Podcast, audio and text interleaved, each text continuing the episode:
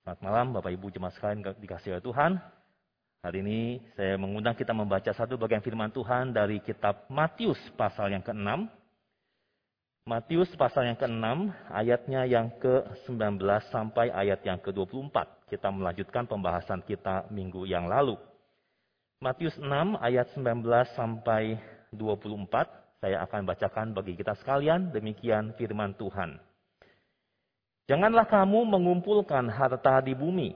Di bumi ngengat dan karat merusakkannya dan pencuri membongkar serta mencurinya.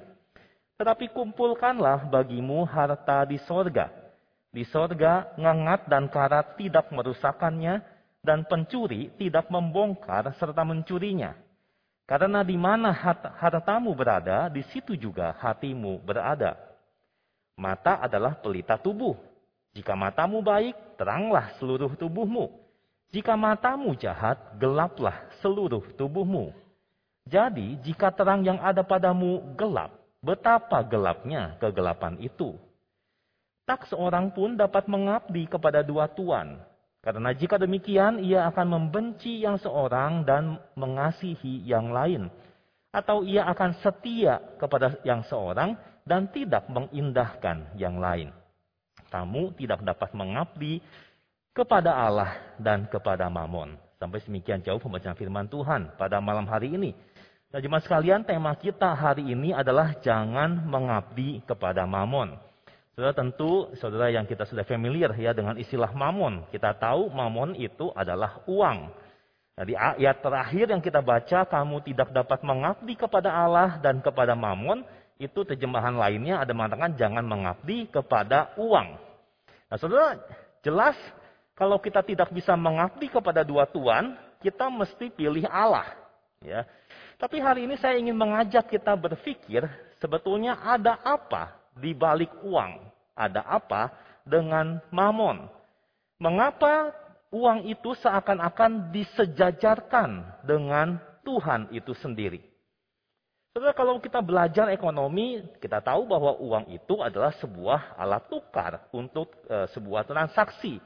Ya, zaman dulu uang itu dalam bentuk e, mungkin logam, kemudian zaman sekarang dalam bentuk kertas.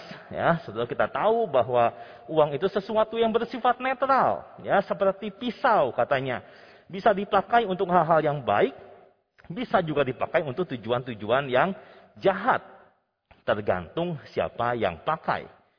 Tetapi kata-kata Tuhan Yesus di sini menunjukkan bahwa uang itu bukan hanya sekedar alat untuk transaksi.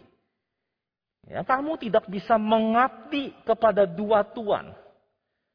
Jadi uang itu punya satu kuasa yang sangat tinggi sehingga dia bisa merebut pengabdian kita dari Tuhan yang sejati. Maka kita bisa melihat bahwa uang itu memang secara ekonomi hanya sebuah alat tukar. Tetapi secara rohani, uang itu punya kuasa. Dan sering kali ditunggangi oleh kuasa gelap. Jadi kalau ingat membaca Efesus 6 ayat 12, Paulus mengatakan, karena perjuangan kita bukanlah melawan darah dan daging, tetapi melawan pemerintah-pemerintah, melawan penguasa-penguasa, melawan penghulu-penghulu dunia yang gelap ini, melawan roh-roh jahat di udara. Saudara, bagaimana kita melawan roh-roh jahat di udara? Tidak terlihat, saudara. Saudara, mereka bisa menunggangi apa yang kita sebut sebagai mamon. Secara kasat mata, uang itu memang bersifat netral. Mungkin cuma kertas, hanya angka-angka di rekening. Tetapi secara spiritual, uang itu mampu membangkitkan pengabdian dalam diri manusia. Uang itu mampu menaklukkan manusia untuk melayani dirinya. Di sini mamon itu dipersonifikasikan sebagai saingan berat Allah rival dari Tuhan yang sejati. Jadi di balik uang itu ada sebuah kekuatan rohani yang berusaha untuk menguasai kita, berusaha untuk menawan, memenangkan hati kita. Nah, sebenarnya memang pada kenyataannya ya, uang itu seperti memiliki beberapa sifat kealahan. Saudara kita tahu bahwa uang itu bisa memberikan rasa aman. Betul nggak saudara ya? Kalau saudara suka berpergian eh, keluar kota, keluar negeri, ya, saudara lebih sering lupa apa? Lebih sering lupa bawa uang, bawa kredit card, atau lebih sering lupa berdoa? Lebih gawat mana? Lebih gawat lupa berdoa, atau lebih gawat nggak bawa apa-apa? Uang, kredit card, dan sebagainya. Eh, mungkin bagi kita lebih gawat kalau tidak ada uang. Ya. Saudara, uang itu bisa memberikan kebebasan. Membeli banyak hal yang kita mau, yang kita suka. Uang itu seakan-akan maha hadir. Di mana-mana pasti ada uang. Dan yang paling menakutkan, uang berusaha selalu untuk menjadi maha kuasa. Lalu kita suka mengatakan bahwa waktu adalah uang. Time is money. Segala sesuatu beres kalau ada uang. So, saat ini kita belajar ya dari perkataan Yesus, kemudian bagaimana engkau dan saya seharusnya menyikapi mamon. Mari kita melihat dari ayat yang ke-19. Janganlah kamu mengumpulkan harta di bumi. Di bumi ngengat dan karat merusakannya dan pencuri membongkar serta mencurinya. Saudara, ngengat itu adalah sejenis binatang yang membuat pakaian itu bisa menjadi rusak. Dan pada masa itu, di zaman kuno, pakaian itu termasuk sebagai sesuatu yang sangat berharga, seperti harta, bisa sangat mahal. Saudara, karat itu merusak benda-benda yang terbuat dari logam atau metal. Saudara, zaman dulu semua orang itu menyimpan harta di dalam rumahnya. Sehingga bisa beresiko dibobol oleh pencuri. Jadi dalam hal ini, saudara, kita jangan sampai salah mengerti sebelumnya ya. Jangan kumpulkan harta di bumi itu bukan berarti orang Kristen tidak boleh menabung, tidak boleh investasi, ya, atau tidak boleh memikirkan hari tua, merencanakan keuangan untuk masa depan. Saudara, bukan itu artinya. Tentu kita bisa punya perencanaan seperti demikian. Tetapi yang Yesus ingin tekankan adalah bahwa uang itu, harta milik manusia itu sifatnya sementara. Sementara. Bisa hilang dalam sekejap. Seberapa banyak orang yang berhasil mengumpulkan harta yang sangat banyak. Tetapi ketika dilanda oleh krisis moneter, dilanda oleh pandemi yang lalu, Harta yang segunung itu pun langsung ludes habis dalam sekejap.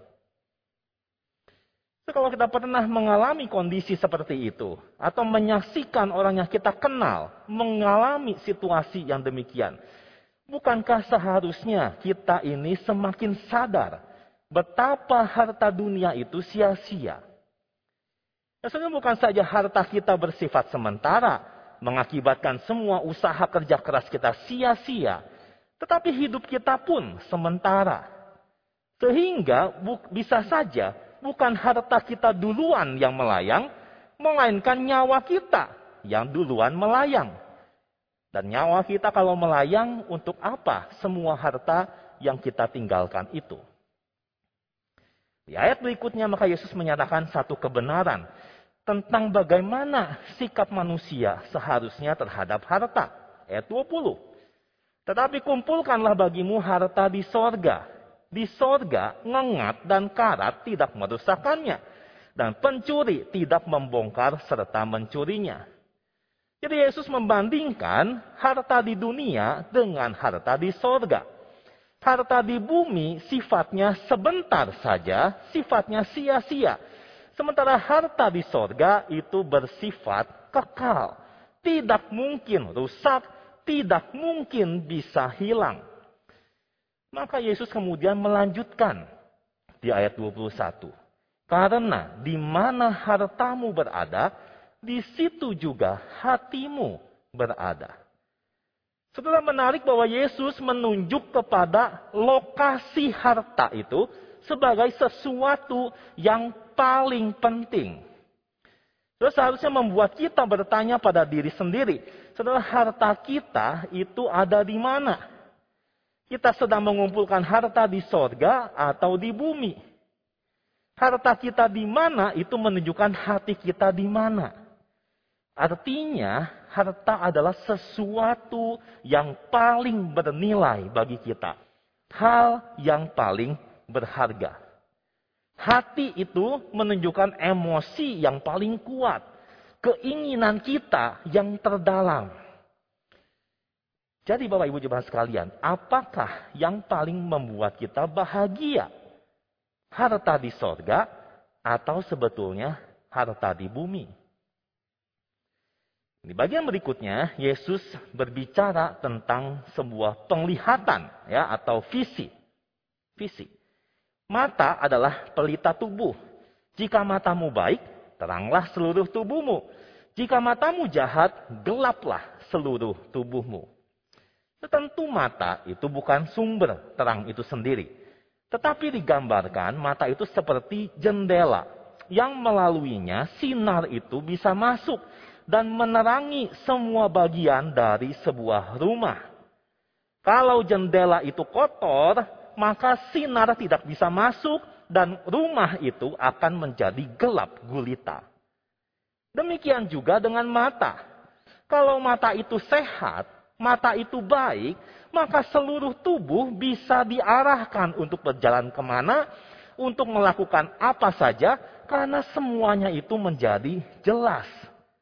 Sebaliknya, ketika mata itu tidak sehat, mata itu sakit dan buruk, maka penglihatan akan terganggu. Mata menjadi kabur, atau bahkan mungkin tidak bisa melihat lagi. Nah, jika terang yang ada padamu gelap, betapa gelapnya kegelapan itu. Apa artinya? Semungkin orang tersebut tidak sadar bahwa matanya kabur. Dia pikir tidak ada yang salah dengan matanya. Sehingga dia tidak sadar bahwa dirinya sedang salah jalan dan tersesat. Kondisi seperti ini, betapa gelapnya kegelapan itu. So, saya sendiri tidak yakin ya, apakah ada orang seperti ini di dunia. Bukankah semua orang pasti sadar kalau matanya terganggu, penglihatan itu berkurang.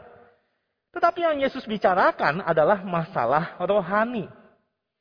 Banyak orang Kristen mengaku percaya Yesus, tapi visi hidupnya, pengejaran tertinggi dalam hidupnya adalah uang. Yang paling memenuhi pikirannya adalah bagaimana bisa kumpulkan harta lebih banyak. Sebagian besar energi, waktu, tenaga adalah untuk meraup keuntungan lebih banyak dan lebih banyak lagi. Kalau bisa pakai cara-cara yang kotor, nggak apa-apa. Yang penting uang masuk lebih banyak. Tentu harus pergi ke gereja, ya, ikut ibadah rutin. Bolehlah ada pelayanan, tapi semua kegiatan gereja itu jangan sampai mengganggu prioritas yang lebih penting. Apa itu? Kerja cari uang. Kalau ada waktu, bolehlah kerjakan aktivitas gereja. Kasih persembahan, boleh ya. Kita kasih persembahan banyak dengan tujuan Tuhan berkatin lebih banyak lagi dong. Tuhan kasih lebih banyak dong dari apa yang saya persembahkan. Saudara, Apakah kita seperti demikian? Kondisi rohani kita akhirnya mengutamakan mamon. Kalau sudah sampai tahap seperti itu, seharusnya kita sadar bahwa hati kita sudah dikuasai oleh uang. Mamon itu berhasil memenangkan pengabdian kita. Dan di sinilah Yesus kemudian memberikan satu peringatan penting. Tidak ada seorang pun dapat mengabdi kepada dua tuan. Karena jika demikian, ia akan membenci seorang dan mengasihi yang lain. Atau ia akan setia kepada seorang dan tidak mengindahkan yang lain. Jikalau hati kita berpaut pada mamon atau pada uang, maka sesungguhnya dialah Tuhan yang kita layani. Mamon itulah objek pengabdian kita. objek kasih kita. Padahal saudara cinta itu tidak boleh dan tidak bisa dibagi. Kalau hati kita melekat pada harta dunia, maka sebetulnya kita tidak sedang mencintai Tuhan. Kata benci dalam ayat 24 ini sudah sama seperti kata-kata Tuhan Yesus di dalam Lukas 14 ayat 26. Ya.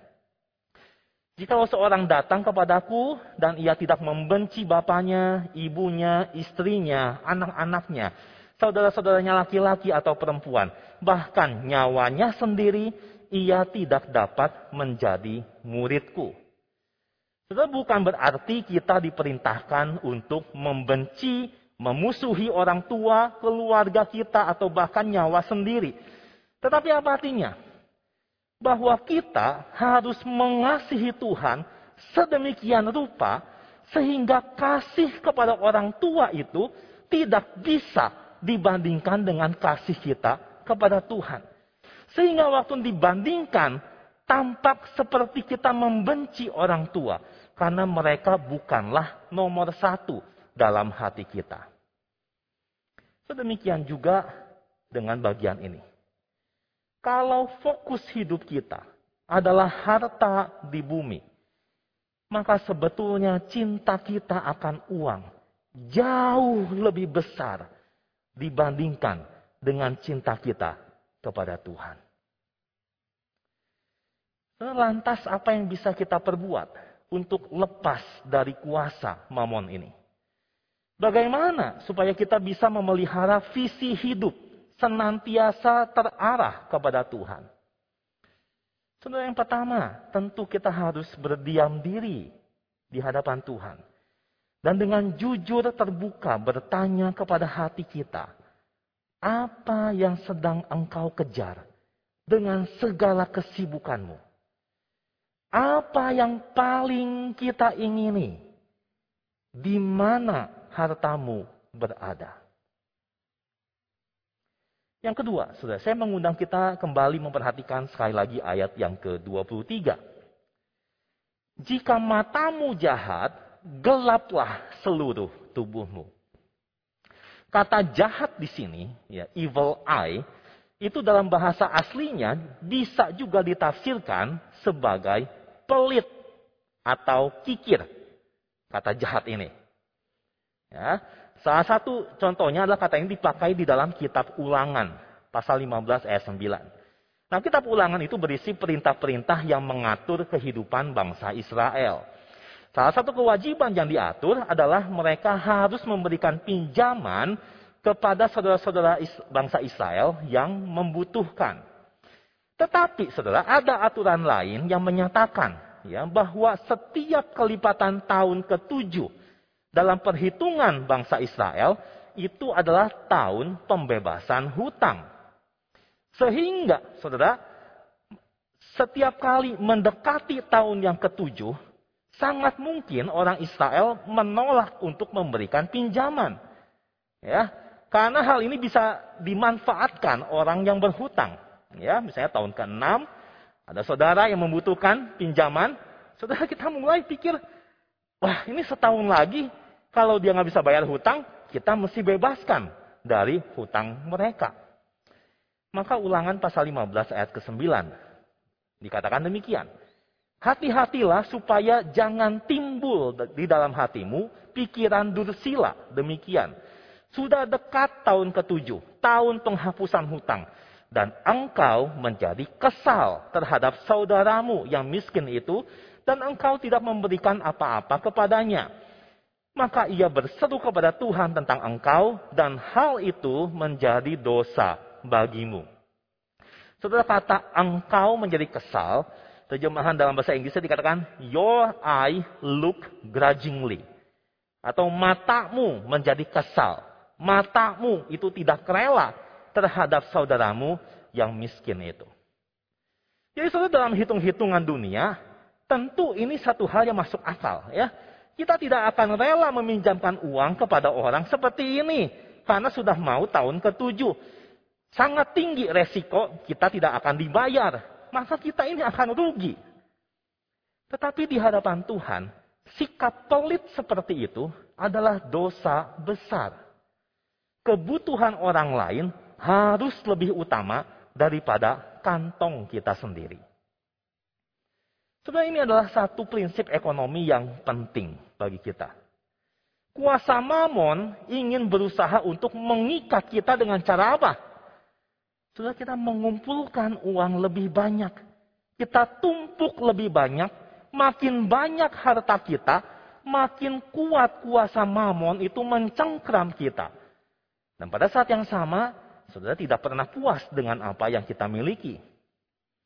Nah, saudara bagaimana kita bisa mengumpulkan harta di sorga? Saudara kita mesti melihat ya di sorga itu nanti mata uangnya apa? Tidak ada dolar, tidak ada rupiah, tidak ada yen, ya, pound. Saudara apa mata uangnya?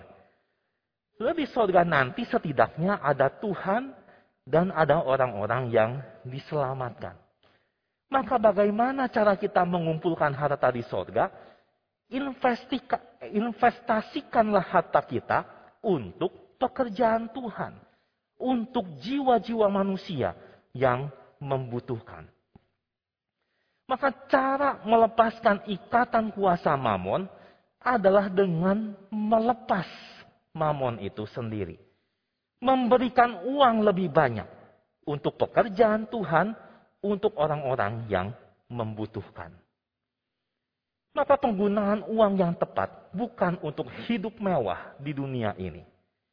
Penggunaan uang yang tepat adalah untuk menginvestasikan sebanyak uang, sebanyak mungkin uang di dalam pekerjaan Tuhan dan di dalam hidup sesama kita. Nah, kita bisa menemukan banyak contoh di Alkitab. Bagaimana Tuhan mensyaratkan penolakan terhadap mamon kalau kita ingin mengikut dia. Saya bacakan sedikit ya Lukas 19 ayat 8 sampai 9. Zakheus berdiri berkata kepada Tuhan, "Tuhan, setengah dari milikku akan kuberikan kepada orang miskin. Dan sekiranya ada sesuatu yang kuperas dari seseorang, akan kukembalikan empat kali lipat." Perhatikan kata Yesus kepada Zakheus. Hari ini telah terjadi keselamatan kepada rumah ini. Karena orang ini pun anak Abraham. Bagi Kristus, uang adalah sebuah penyembahan berhala. Kita harus berpaling daripadanya untuk bisa datang kepada Dia. Menolak Allah Mamon adalah sebuah prasyarat untuk menjadi murid Kristus. Bagaimana caranya? Melepas Mamon itu. Sebandingkan dengan respon seorang muda yang kaya raya bertanya tentang hidup yang kekal. Matius 19 ayat 21, Yesus berkata kepadanya, Jikalau engkau hendak sempurna, pergilah, jualah segala milikmu, dan berikanlah itu kepada orang-orang miskin. Maka engkau akan beroleh harta di sorga. Kemudian datanglah kemari, dan ikutlah aku. So, kekayaan orang muda itu adalah Allah saingan yang menuntut pengabdian total dari dirinya. Sehingga harus ditolak sepenuhnya. Bagaimana caranya? Lepaskan mamon itu. Berikan kepada orang miskin. Ikutlah Tuhan Yesus. Bukankah kita sering kali agak gentar ya mendengar perintah ini. Masa ini harus kita taati secara literal, harafiah, ya. Dan kita pasti sering mendengar ya tentu tidak. Ya, ini sebuah prinsip Tuhan berikan, tentu bukan artinya buat kita semua harus jual semua harta kita. Jadi dalam sejarah kekristenan ada orang-orang yang melihatnya sebagai harafiah.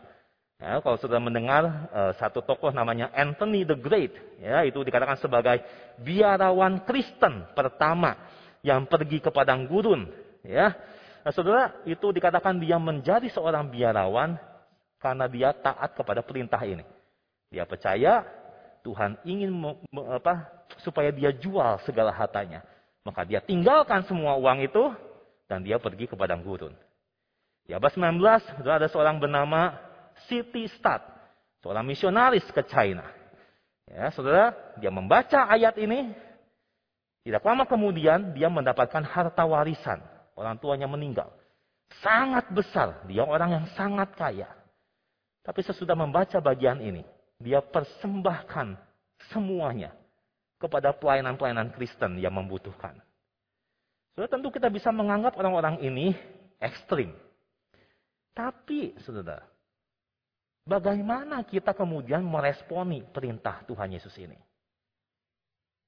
Bagaimana engkau dan saya seharusnya menjalani perintah Tuhan terhadap orang muda kaya ini?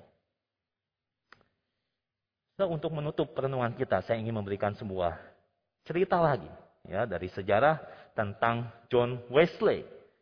Ya, soalnya dikatakan bahwa tahun 1731 John Wesley itu menjadi seorang pengajar di Oxford University. Wesley mulai membatasi pengeluarannya sehingga ada sisa uang yang bisa dia sumbangkan kepada orang miskin. Nah, satu kali dia catat pendapatannya sebagai dosen, ya. Dapat 30 pound sterling. Lalu dia coba hitung pengeluarannya. Itu 28 pound sterling. Maka selisih 2 pounds dia sisihkan untuk disumbangkan. Tahun depannya pendapatannya itu dua kali lipat. Tapi dia bertahan hidup dengan 28 pounds. Sehingga ada sisa 32 pounds lebih yang bisa di sumbangkan. Tahun ketiga, gajinya melonjak ke angka 90 pounds. Tapi bukannya meningkatkan pengeluaran, dia tetap hidup dengan 28. Dan dia sisihkan 62 pounds. Tahun keempat, 120 pounds. Dia sumbangkan, persembahkan 92 pounds. Sudah John Wesley percaya bahwa orang Kristen seharusnya tidak hanya memberikan persepuluhan, tetapi melepas income tambahan. Begitu kebutuhan keluarganya tercukupi dan hutang itu dilunasi. Dia percaya bahwa dengan meningkatnya income seharusnya diimbangi bukan dengan naiknya standar hidup, tapi dengan standar memberi. Sampai satu kali dalam setahun income-nya lebih dari 1.400 pound sterling. 1.400. Dia hidup dengan 30 pounds. Dan dia melepaskan 1.370 pounds. Setelah itu, 1.400 pound itu 10 persennya itu 140. Ya. Tapi dia hidup dengan 30 pounds. Dan dia mengatakan, dia tidak pernah memegang 100 pound sterling dalam sekali waktu. Lalu waktu membaca bagian ini, terus seharusnya ini menegur kita. Ya. Di mana harta kita berada? Saya rasa John Wesley itu adalah contoh konkret orang yang tidak mengabdi kepada mamon. Contoh nyata orang yang mengumpulkan harta di sorga. Mas saudara, kalau kita ditanya sebetulnya apa yang salah dengan teologi kemakmuran? Apa yang keliru dengan teologi sukses? Kesalahan fatal teologi ini adalah apa? Mereka berusaha untuk melayani dua tuan pada saat yang sama. Nah, Yesus berkata, tidak bisa. Lalu bagaimana dengan kita? Kalau kita perhatikan, setelah konteks perkataan ini adalah disampaikan bukan kepada sembarangan orang, tapi kepada murid-muridnya. Kita mungkin mengaku sebagai pengikut Kristus. Mulut kita dengan mudah mengatakan kita mencintai Yesus. Tapi bagaimana sikap hati kita terhadap uang? Itu sebetulnya menunjukkan di mana harta kita yang sesungguhnya.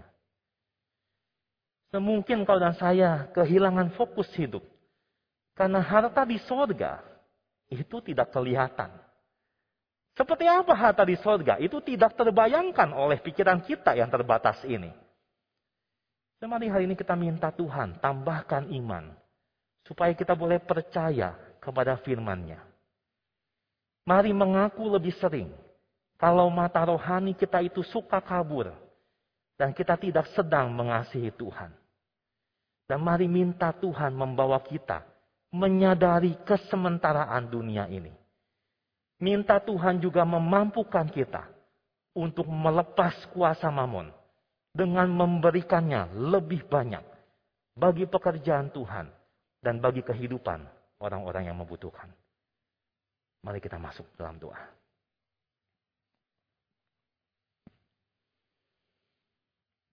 Tuhan, biarlah saat ini kami boleh datang kepadamu lagi.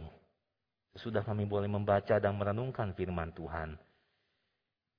Kami ingin menanyakan lagi pertanyaan ini. Sebetulnya kepada kepada siapakah kami mengabdi? Tuhan ampunilah jikalau sering kali lidah kami dengan cepat mengeluarkan kata-kata romantis, rohani, bahwa kami ini mencintai Tuhan dengan segenap hati kami, segenap jiwa kami. Tetapi Tuhan mungkin sebetulnya penggunaan kami akan uang tidak mencerminkan hal itu. Kalau ternyata cara kami, kerinduan kami untuk mendapatkan harta lebih banyak, ternyata membuktikan kami sebetulnya tidak sedang mengasihi Engkau. Tuhan kami mohon hari ini, tolong kami Tuhan. Biarlah kami boleh sungguh-sungguh bertobat. Sadarkan kami Tuhan akan kesementaraan dari harta dunia ini. Dan tolong Tuhan supaya kami boleh semakin berfokus kepada harta sorgawi Biarlah kami boleh percaya bahwa harta yang tersedia itu sungguh melampaui apa yang bisa kami bayangkan. Sebuah janji Tuhan yang sangat indah bagi kami. Dan tolong Tuhan supaya kami juga boleh belajar melepaskan ikatan kuasa mamun. Kami boleh memberikannya lebih banyak bagi pekerjaan Tuhan. Bagi orang-orang sekitar kami yang membutuhkan. Kami sungguh rindu kami boleh betul-betul menjadi orang kaya di sorga nanti.